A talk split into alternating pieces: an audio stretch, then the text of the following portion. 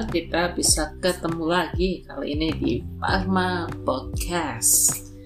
Kali ini apa sih tema yang akan kita bahas? Nah, temanya jauh-jauh dari farmasi tapi masih ada hubungannya dengan duit-duitan. Wah, menarik kan? Tema kali ini adalah farmakoekonomi.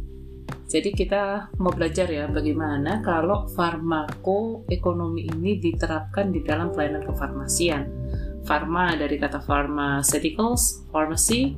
Nah, yang satunya dari ekonomi. Apa hubungannya antara farmasi dengan ekonomi?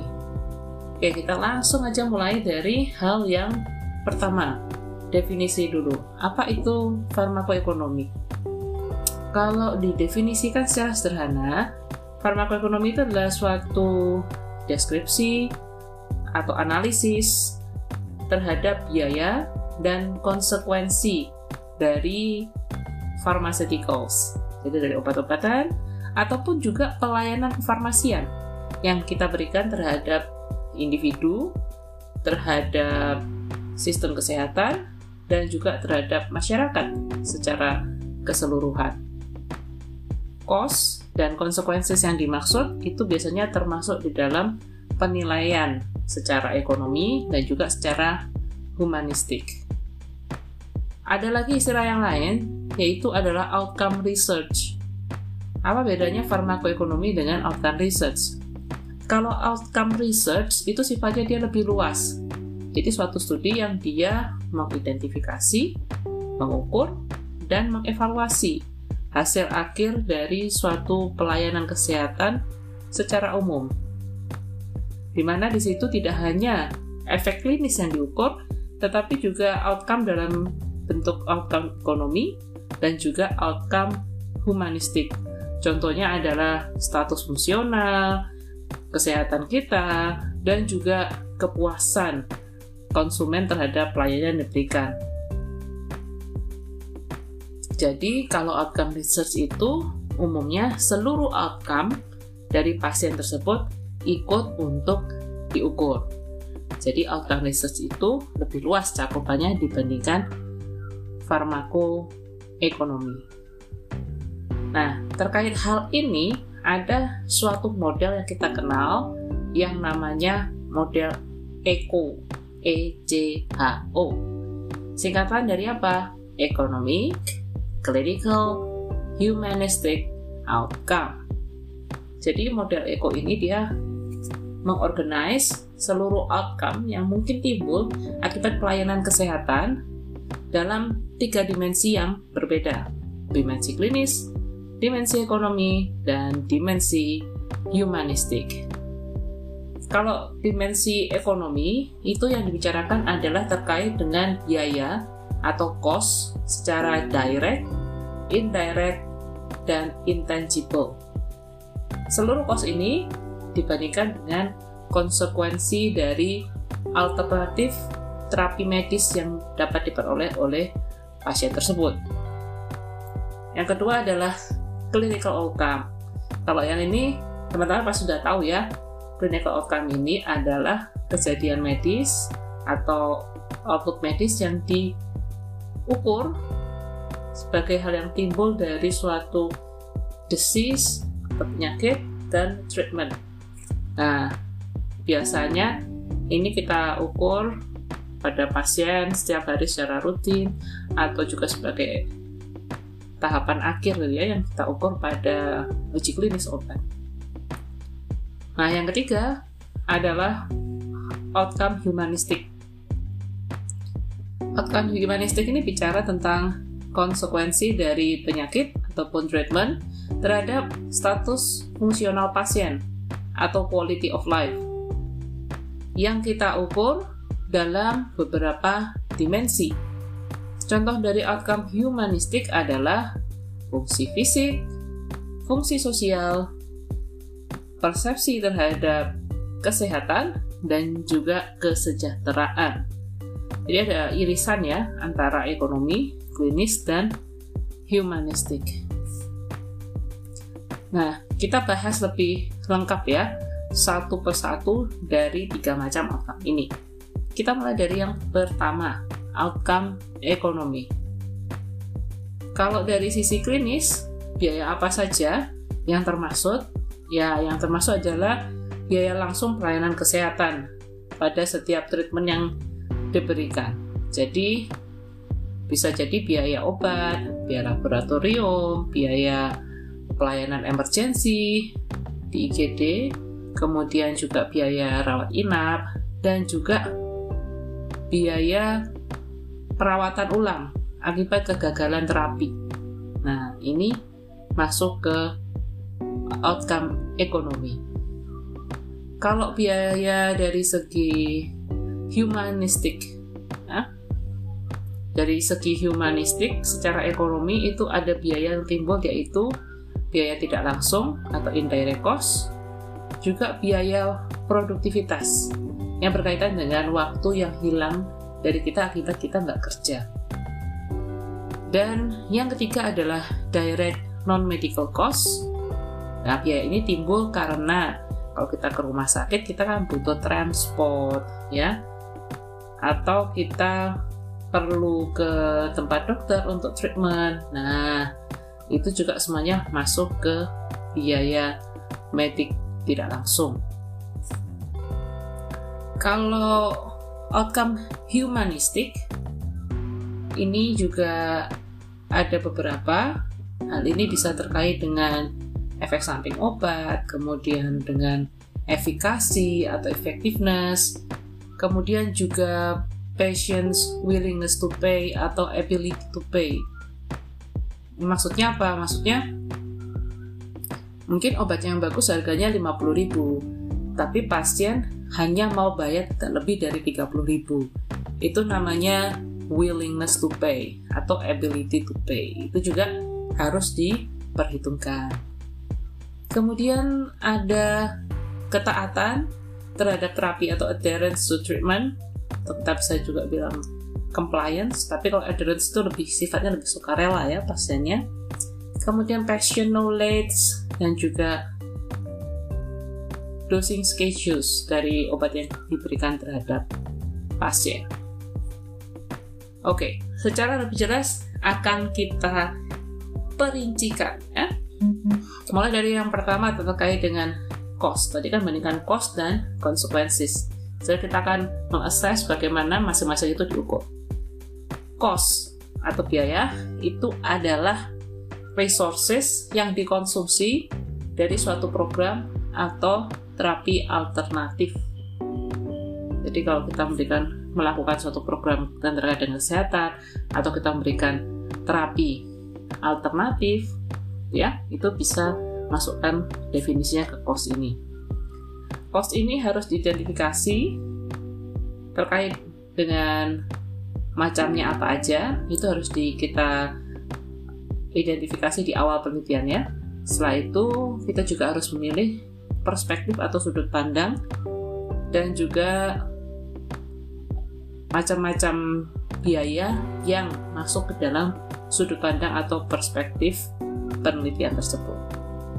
Nah, macam-macamnya apa aja? Ada beberapa, kita ambil yang utama aja, ada enam. Yang pertama adalah direct medical cost.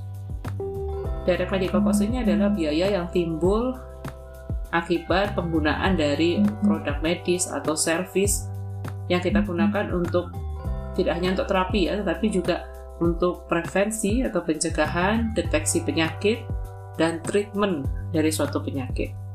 Contohnya adalah cost yang terkait dengan hospitalization, terkait dengan drugs, kemudian laboratory testing, dan juga supplies. Ada dua macam, yaitu fixed cost dan variable cost. Okay? ini biasanya yang terkait dengan uh, perspektif rumah sakit ya. Rumah sakit kalau apa aja yang dia keluarin untuk pasien, yaitu duitnya apa aja yang dia keluarin gitu kan untuk pasien tersebut. Oke. Okay? Yang kedua adalah direct non medical cost. Jadi ini adalah biaya yang terkait dengan pelayanan non medis akibat suatu penyakit tetapi tidak terkait langsung dengan pembelian pelayanan medis. Ya, tadi kalau yang tadi udah hubungannya dengan pelayanan medis yang kali ini enggak ya karena maka itu dikasih nama direct non medical cost. Contohnya apa? Contohnya kita perlu makan makanan khusus karena penyakit kita, special food, which is uh, more expensive ya than the ordinary food.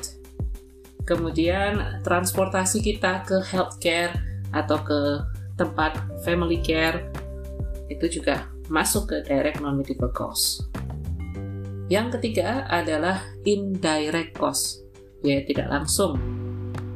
Biaya tidak langsung ini muncul akibat morbiditas dan mortalitas akibat penyakit ataupun kesakitan yang kita alami. Misalnya, ya akibat kita kehilangan produktivitas atau kita mati sebelum pada waktunya ada dua metode, ada human capital method, ada yang kedua adalah willingness to pay.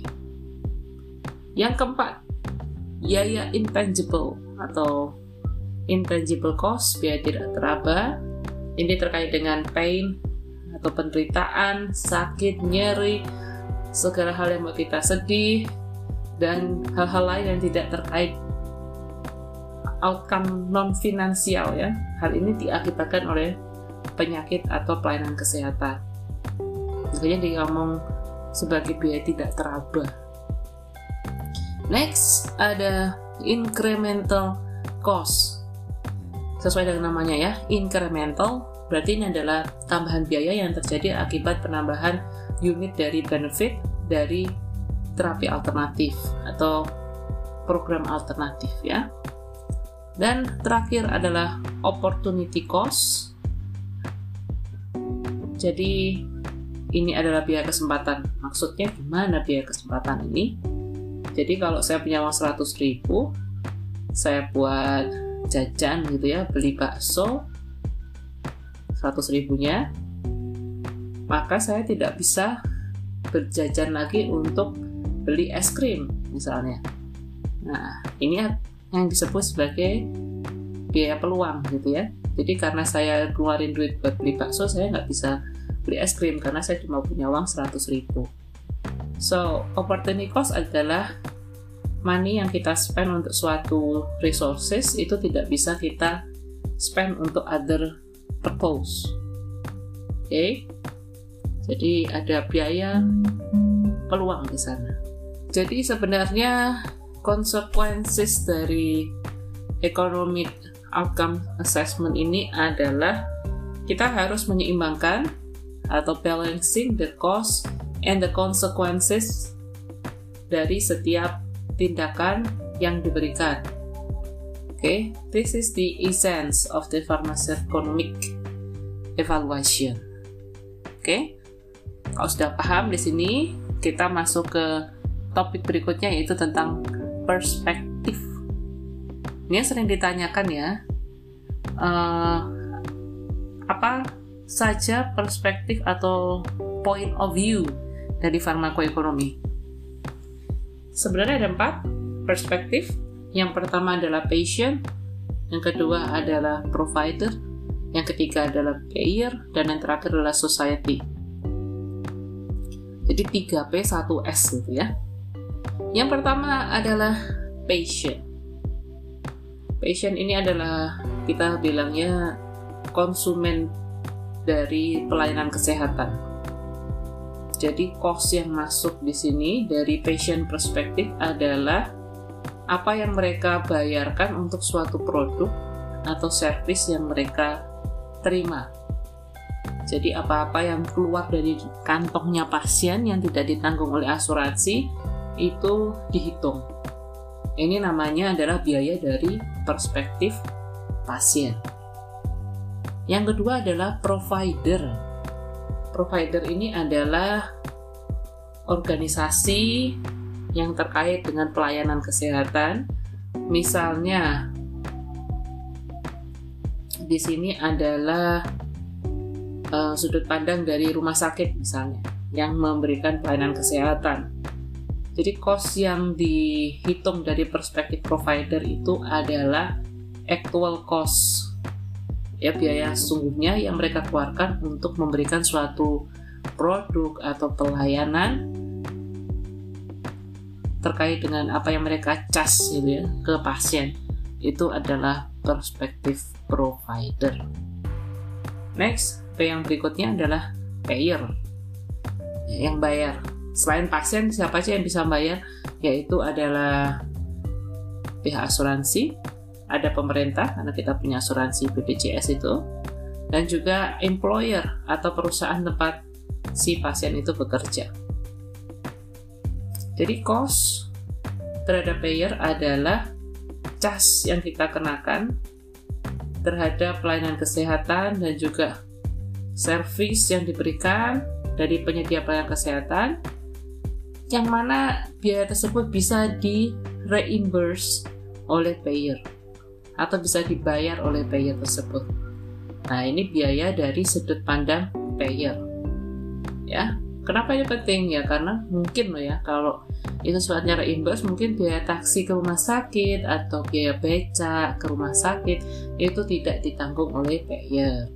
Sedangkan kalau dari sudut pandang pasien ya biaya ke rumah sakit biaya transport itu yang masuk karena dia kan ngeluarin duit gitu. Kalau dari segi provider mereka juga nggak peduli kamu ke rumah sakit naik apa itu tidak termasuk biaya yang dihitung dari sudut pandang provider.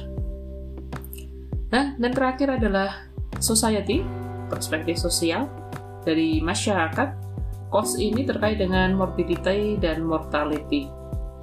Jadi seluruh cost yang timbul akibat pemberian atau penerimaan suatu pelayanan kesehatan. Sebenarnya yang paling bagus itu adalah society ya secara keseluruhan, tapi nggak semua orang itu oke okay, gitu ya diukur secara society. Karena apa? Karena katakan uh, morbiditas dalam bentuk pain itu apakah manusiawi kalau harus diukur dengan biaya begitu. Paling menyeluruh tapi juga paling sulit adalah perspektif society. Yang paling sering adalah perspektif pasien atau provider yang kita gunakan untuk penelitian. Oke, sekarang kita belajar macam-macam analisis ekonomi. Oke, belum tidak semuanya ini masuk ke farmakoekonomi ya, tapi Anda harus tahu macam-macamnya itu apa. Ada partial economic evaluation, ada full economic evaluation.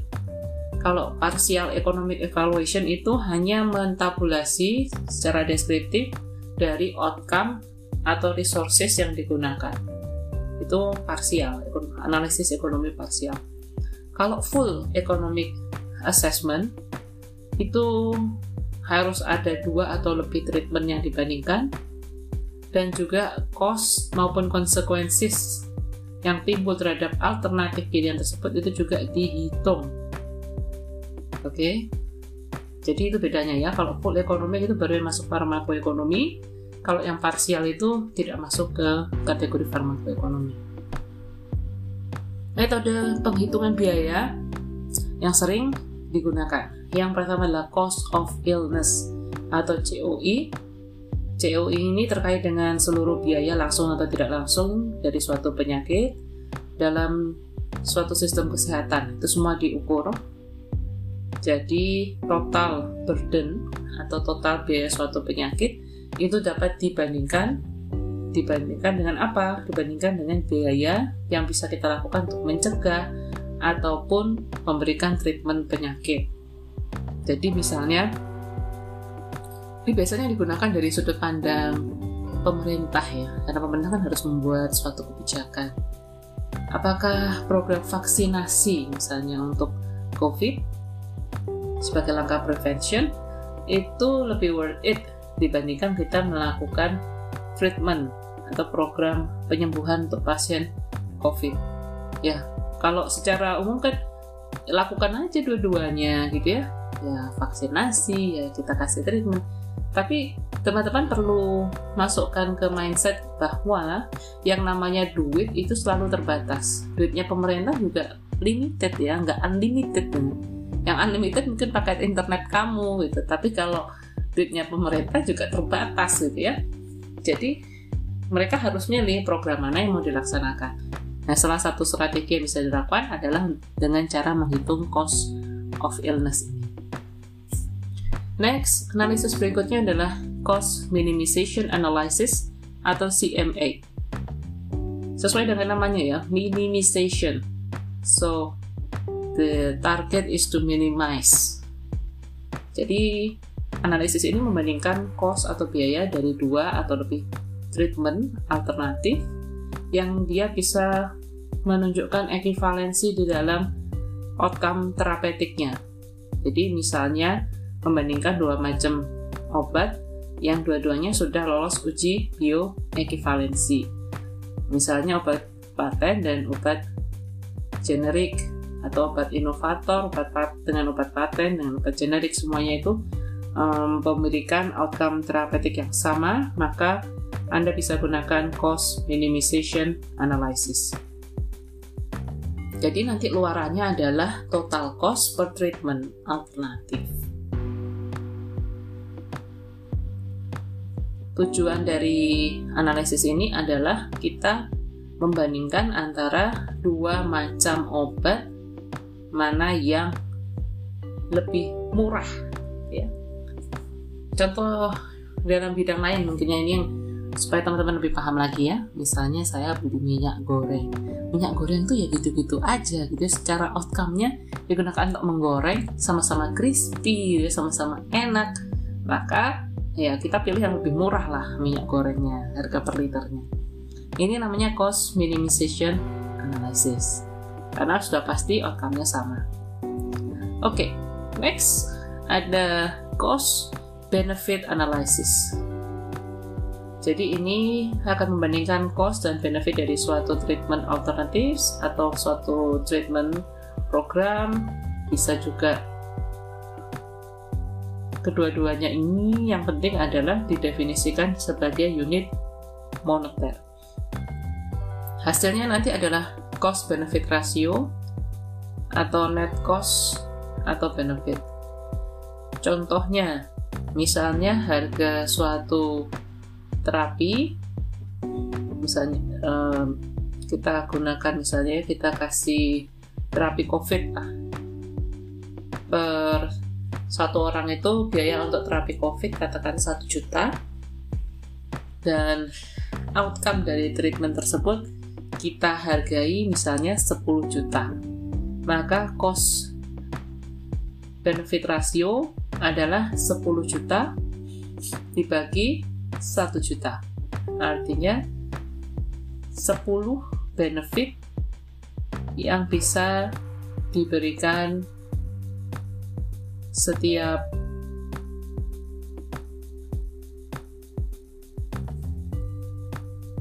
kos yang dikeluarkan gitu ya.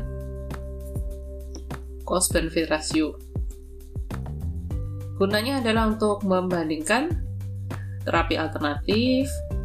Misalnya kita perlu untuk mengalokasikan uang kita gitu ya cost di mana di situ terjadi kelangkaan. Nah, Anda bisa gunakan cost benefit analysis. Jadi outcome ciri-cirinya adalah outcome-nya ada dihitung sebagai duit. Tadi ya, outcome atau luarannya dalam bentuk uang. Maka ini adalah cost benefit analysis. Analisis berikutnya yang paling sering digunakan namanya adalah cost effectiveness analysis. Jadi metode ini digunakan untuk membandingkan terapi alternatif atau program di mana cost itu dihitung dalam unit monitor dan konsekuensinya itu dalam unit effectiveness atau natural units.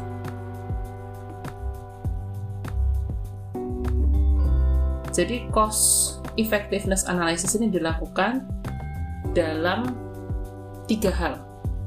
Ini diingat-ingat ya, tidak semuanya itu perlu kita lakukan cost effectiveness analysis hanya jika ada tiga kondisi ini. Pertama, obat atau program atau apa pun yang mau kita lakukan itu sebagai alternatif, dia lebih murah dan juga lebih kurang efektif dibandingkan terapi atau program sebelumnya. Gitu ya. Lebih murah, kurang efektif. Yang kedua, lebih mahal tapi dia juga memberikan benefit yang lebih.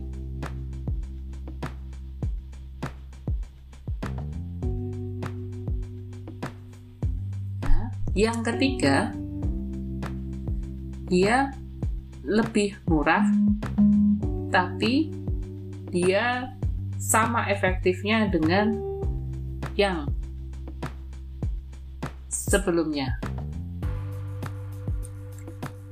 Jadi dia lebih murah, tapi dia kurang efektif, atau dia lebih mahal, tapi dia juga lebih efektif. Nah, ini kita perlu melakukan cost effectiveness analysis.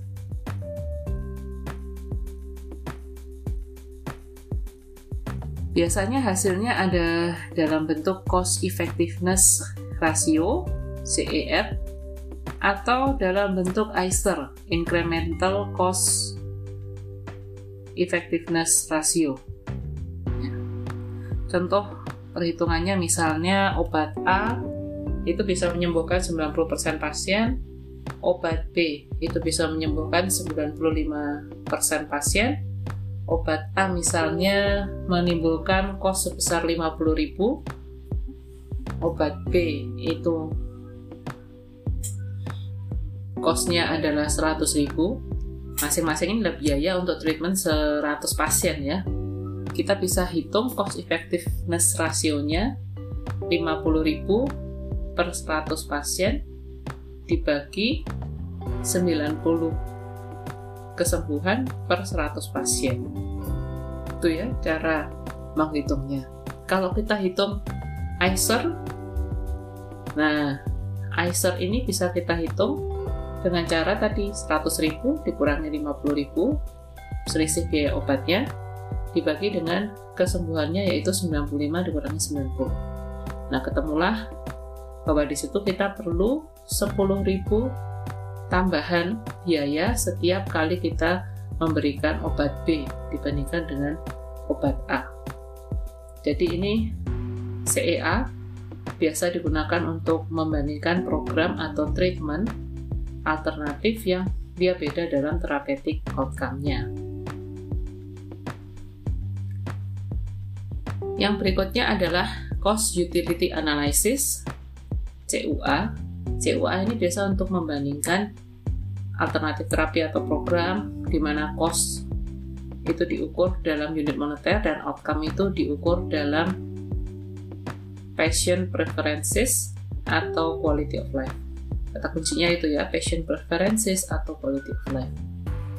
Hasilnya adalah biaya rupiah per quality adjusted life year gain atau QALY atau Patient Weighted Utility Measure. Ini digunakan untuk treatment atau program yang menggunakan patient preference atau kualitas pelayanan kesehatan atau ketika outcome itu tidak bisa kita ukur dalam hanya unit moneter. Ya, misalnya pada pasien dengan penyakit-penyakit kronik itu lebih cocok kalau kita hitung dalam quality adjusted life Oke, okay, next adalah teknik analisisnya. Jadi ini kalau teman-teman mau tahu, ada istilah discounting, ada istilah sensitivity analysis, dan juga ada istilah yang ketiga adalah decision ya, analysis. Oke, kita lihat masing-masing. Discounting. Jadi analisis ini melakukan adjust atau penurunan dari future cost dan consequences dengan memperhitungkan angka fiskal. Jadi biasanya disesuaikan sesuai dengan angka inflasi. Kenapa? Karena kita tahu uang seribu saat ini itu nilainya beda dengan uang seribu 10 tahun yang lalu. Ya kita tahu bahwa semakin lama yang namanya duit itu semakin nggak worth it gitu ya. Kenapa? Kalau dulu seribu bisa dapat uh, bakso semangkok kalau sekarang seribu mungkin dapat ucapan terima kasih aja gitu ya dari tukang baksonya. Nah ini menunjukkan ada yang namanya inflasi. Jadi kita harus melakukan discounting cost yang berdasarkan time value of money. Oke. Okay.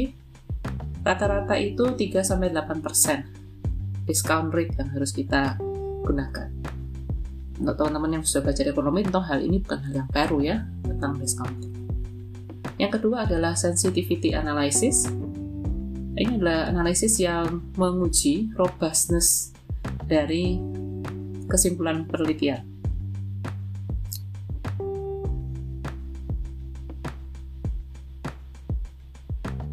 Variabel yang kita uji, misalnya persen efikasi atau effectiveness, atau insiden dari adverse reaction, atau cost yang paling dominan. Nah, ini semuanya dilakukan di sensitivity analysis. Yang ketiga adalah decision analysis. Decision analysis ini digunakan untuk mengambil keputusan untuk memilih ya antar treatment atau program alternatif biasanya menggunakan pohon keputusan decision tree kita bisa menggunakan fishbone analysis gitu ya. Untuk mengambil suatu keputusan. Ingat ingat ingat. Analisis yang terakhir adalah incremental cost yang sudah dijelaskan tadi. Jadi cost dan effectiveness itu dibandingkan antara selisih cost dibagi dengan selisih efektivitas. Oke, sampai di sini teman-teman suatu insight yang bisa saya berikan terkait dengan farmakoekonomi. Mudah-mudahan apa yang saya sampaikan di sini bisa bermanfaat untuk teman-teman yang baru saja belajar farmakoekonomi. Secara lengkapnya, teman-teman bisa mencari sumber yang lain atau nanti akan saya jelaskan di video berikutnya. Terima kasih sudah mendengarkan. Sampai jumpa di podcast berikutnya. Ciao.